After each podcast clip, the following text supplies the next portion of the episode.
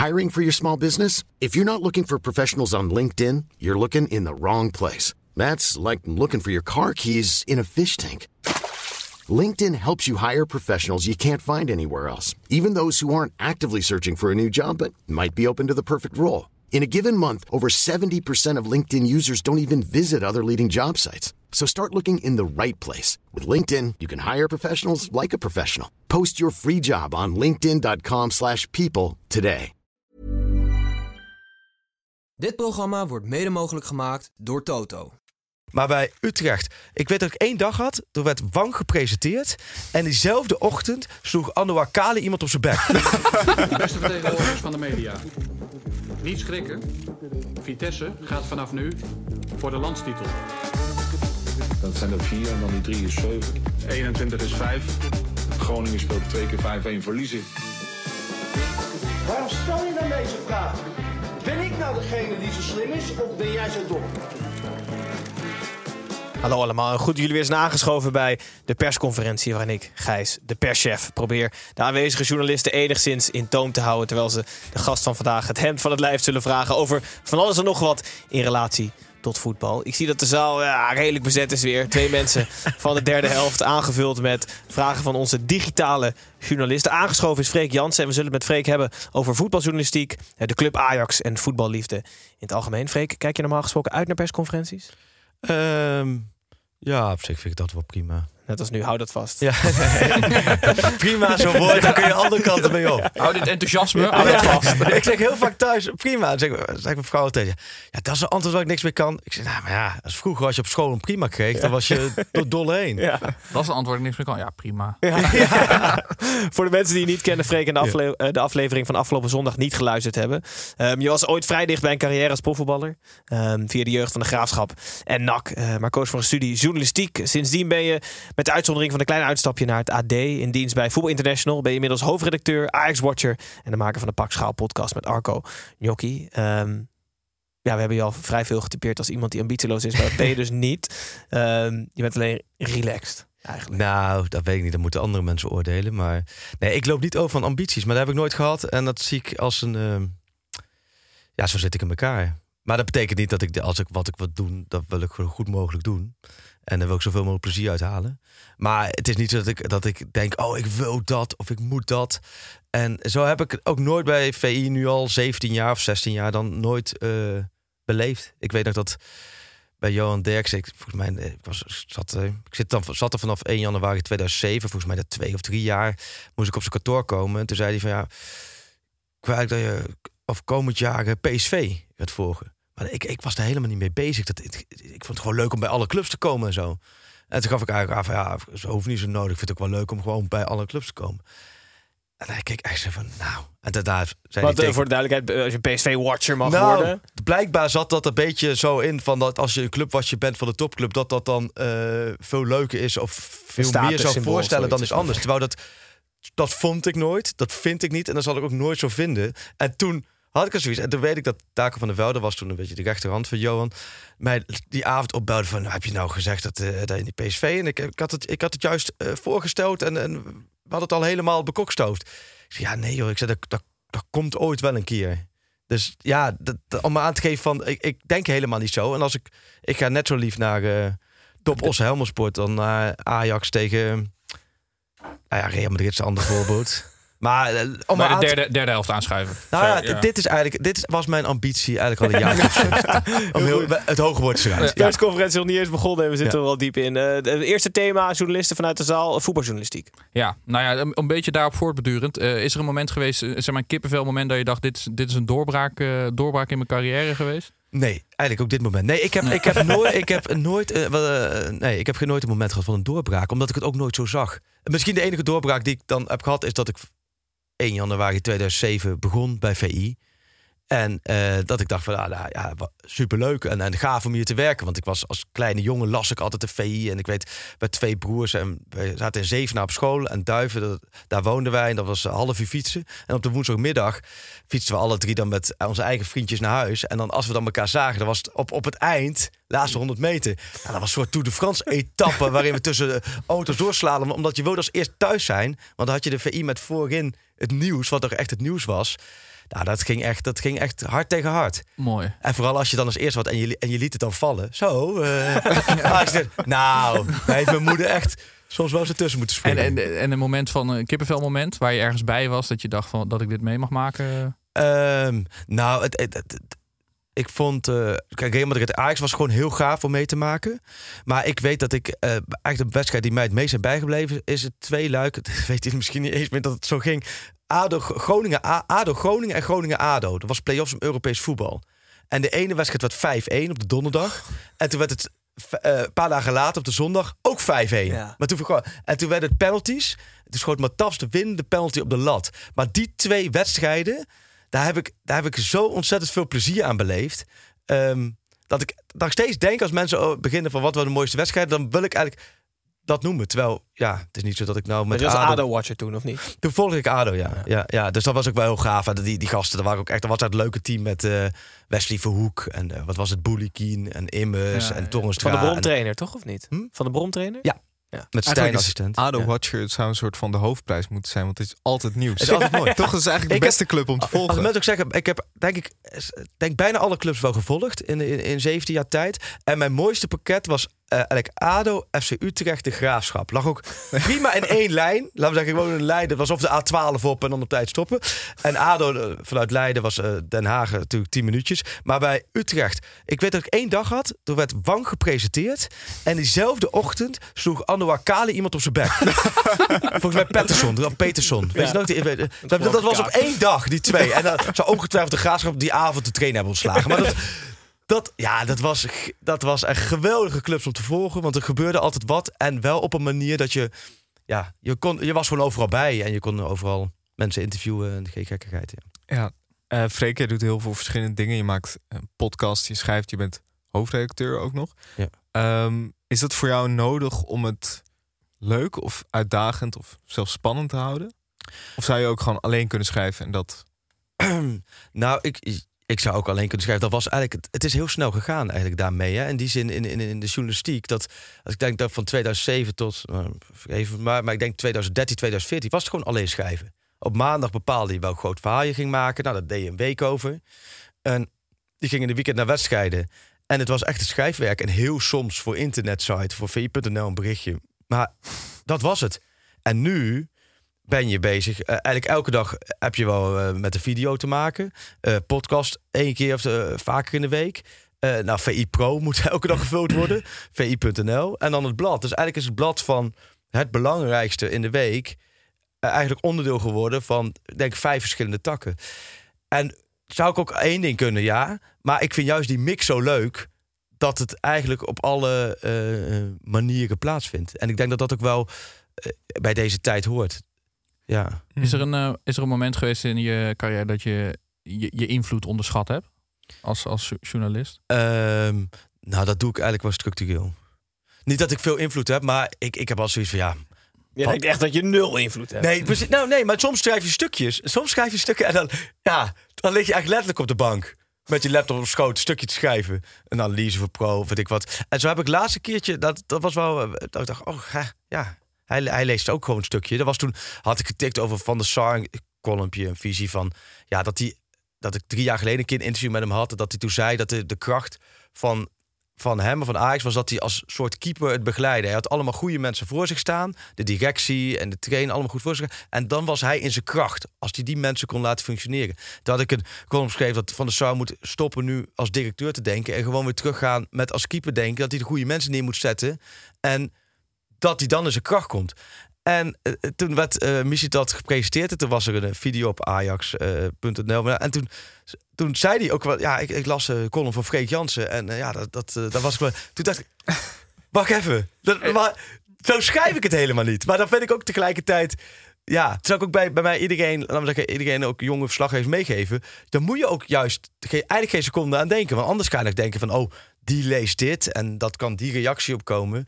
Je moet eigenlijk vooral schrijven wat je wil schrijven. Zonder eh, blok, blokkade. nou, of, toen eh, dacht ik, maar goed, eh, kijk, invloed, ja. Nee, ja. We hebben nog vragen vanuit de zaal. Of, eh, ronden we hem af met een vraag van een digitale journalist. Ik weet niet, de- de- doe die digitale. Eh, vraag van Tom.ebbers wil weten of je kritische vragen kan stellen als clubwatcher, Freek. Of word je er dan stiekem toch uitgegooid. Nee, nee, je kan zeker kritische vragen stellen. Ja, nee, dat, dat, dat, kan en dat moet ook gewoon. Alleen, wat, wat, ik snap het wel. Je wordt als club wat je helemaal in deze tijd. Dat heeft ook wat, wat jij zegt ermee te maken. Overal kom je ook met je kop voorbij. Je wordt eh gelieerd aan de club.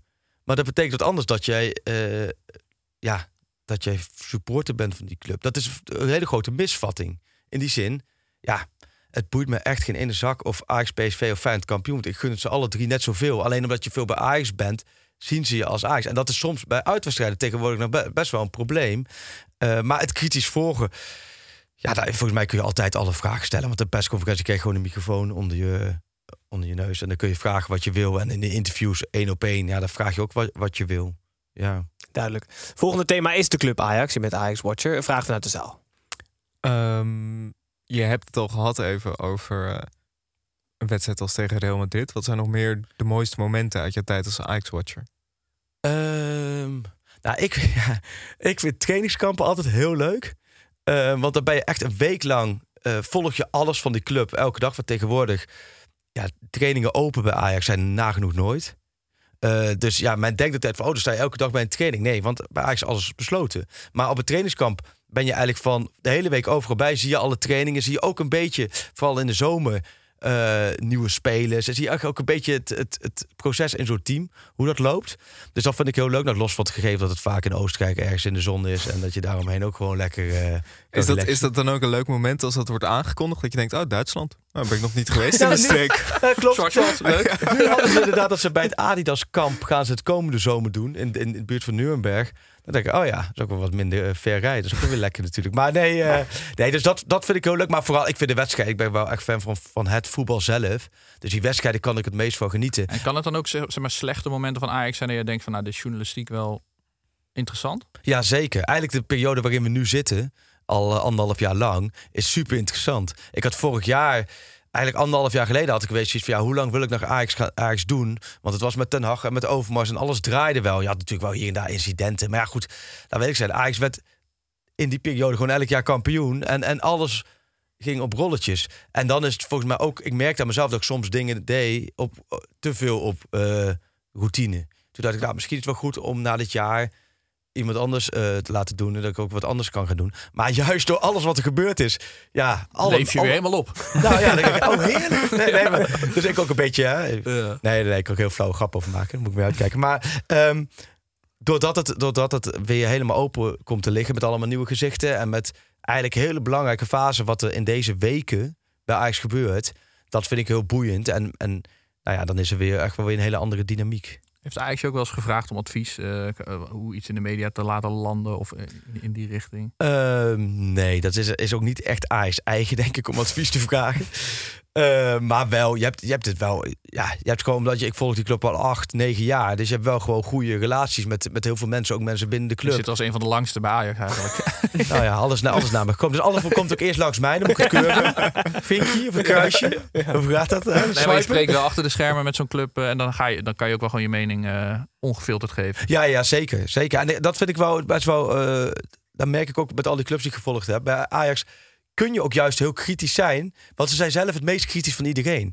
Snap je? Om maar daar even op terug te komen van... Ik kan er wel eens toen bij ADO of bij NAC volgde... of Willem II volgde. Als je dan schreef dat iets slecht was. was nou, hey, eh, het is wel onze club, hè? Je bent En- zelf slecht. Eh, ja, precies. Waar, waar, waar bemoei je mee? Maar bij Ajax, als ze dan per ongeluk een keertje gelijk spelen... wat een keertje kan overkomen... en je, je schrijft dat het slecht is, zeggen ze slecht... Het was schandalig en die moet eruit en die moet eruit. Dus bij Ajax is het wel altijd... omdat ze vinden dat ze elke wedstrijd met 3-0 of 4-0 moeten winnen... is het soms misschien ook wel makkelijker om kritisch te zijn. Want ja, op dat vlak krijg je natuurlijk ook wel vaak eh, bijval. Ja. Is het eh, ook belangrijk dat je als clubwatcher karakterologisch een beetje bij een club past?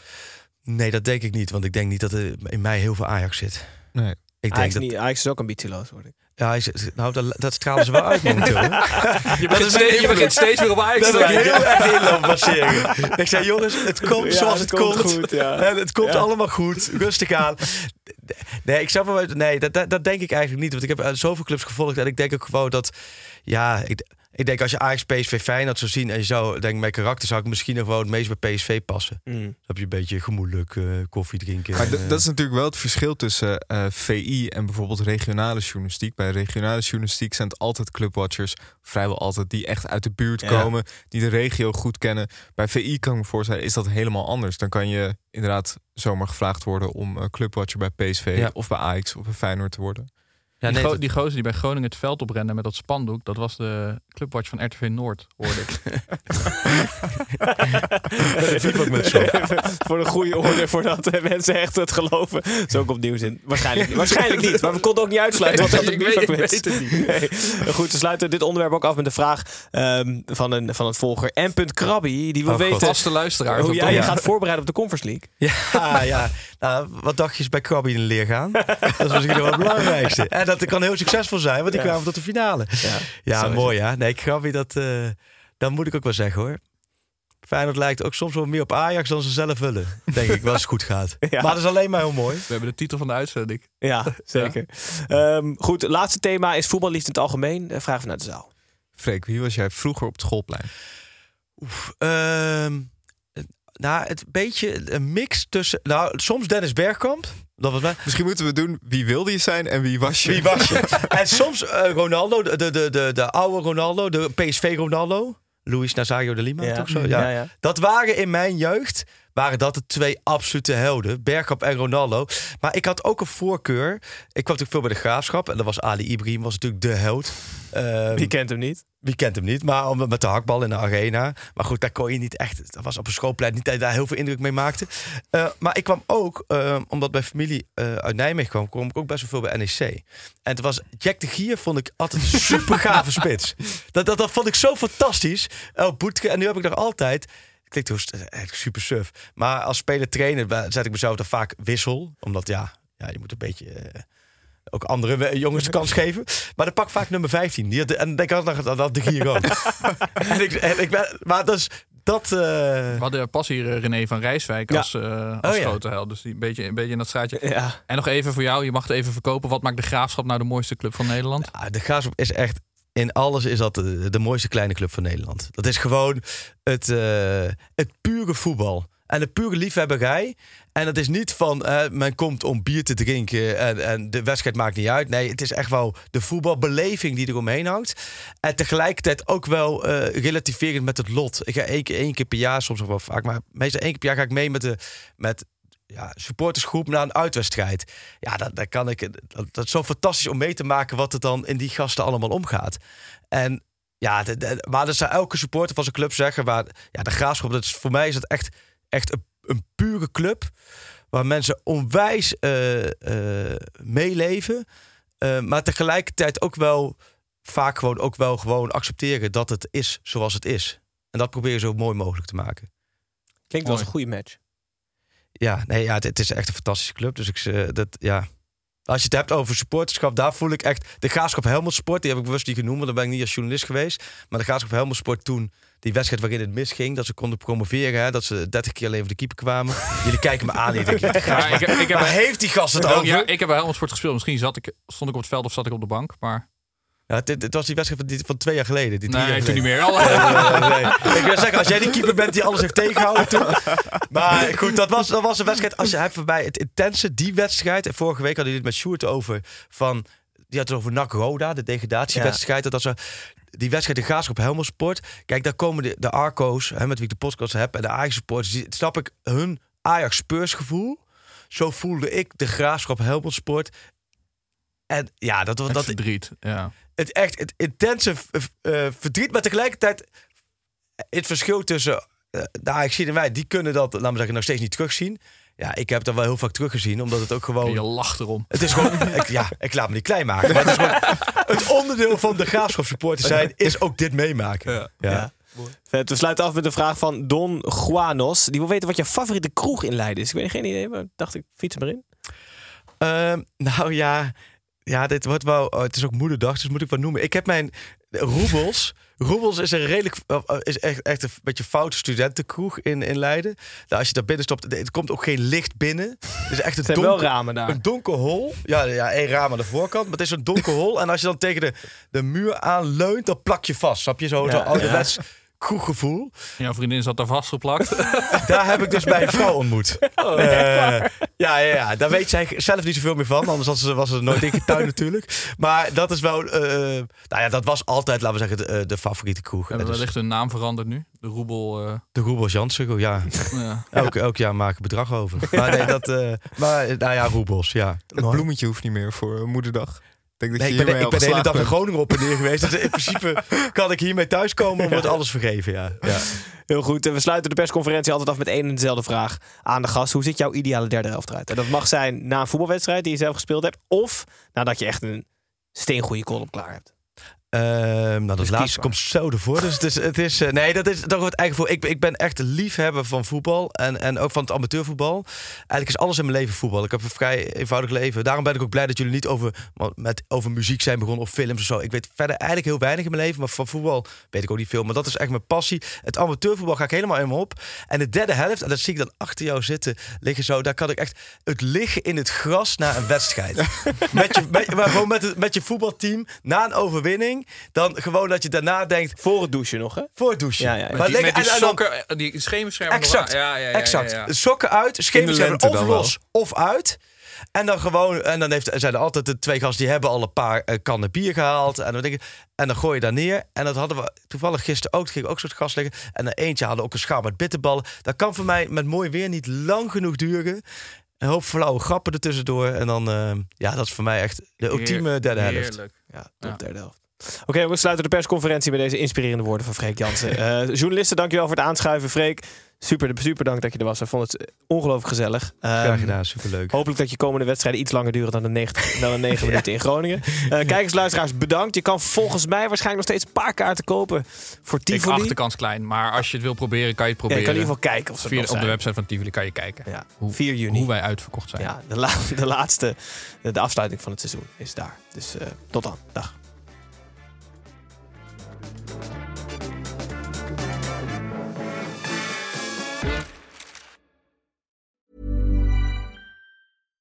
Even when we're on a budget, we still deserve nice things. Quince is a place to scoop up stunning high-end goods for 50 to 80% less than similar brands. They have buttery soft cashmere sweaters starting at $50, luxurious Italian leather bags, and so much more. Plus, Quince only works with factories that use safe, ethical, and responsible manufacturing. Get the high-end goods you'll love without the high price tag with Quince. Go to quince.com slash style for free shipping and 365-day returns.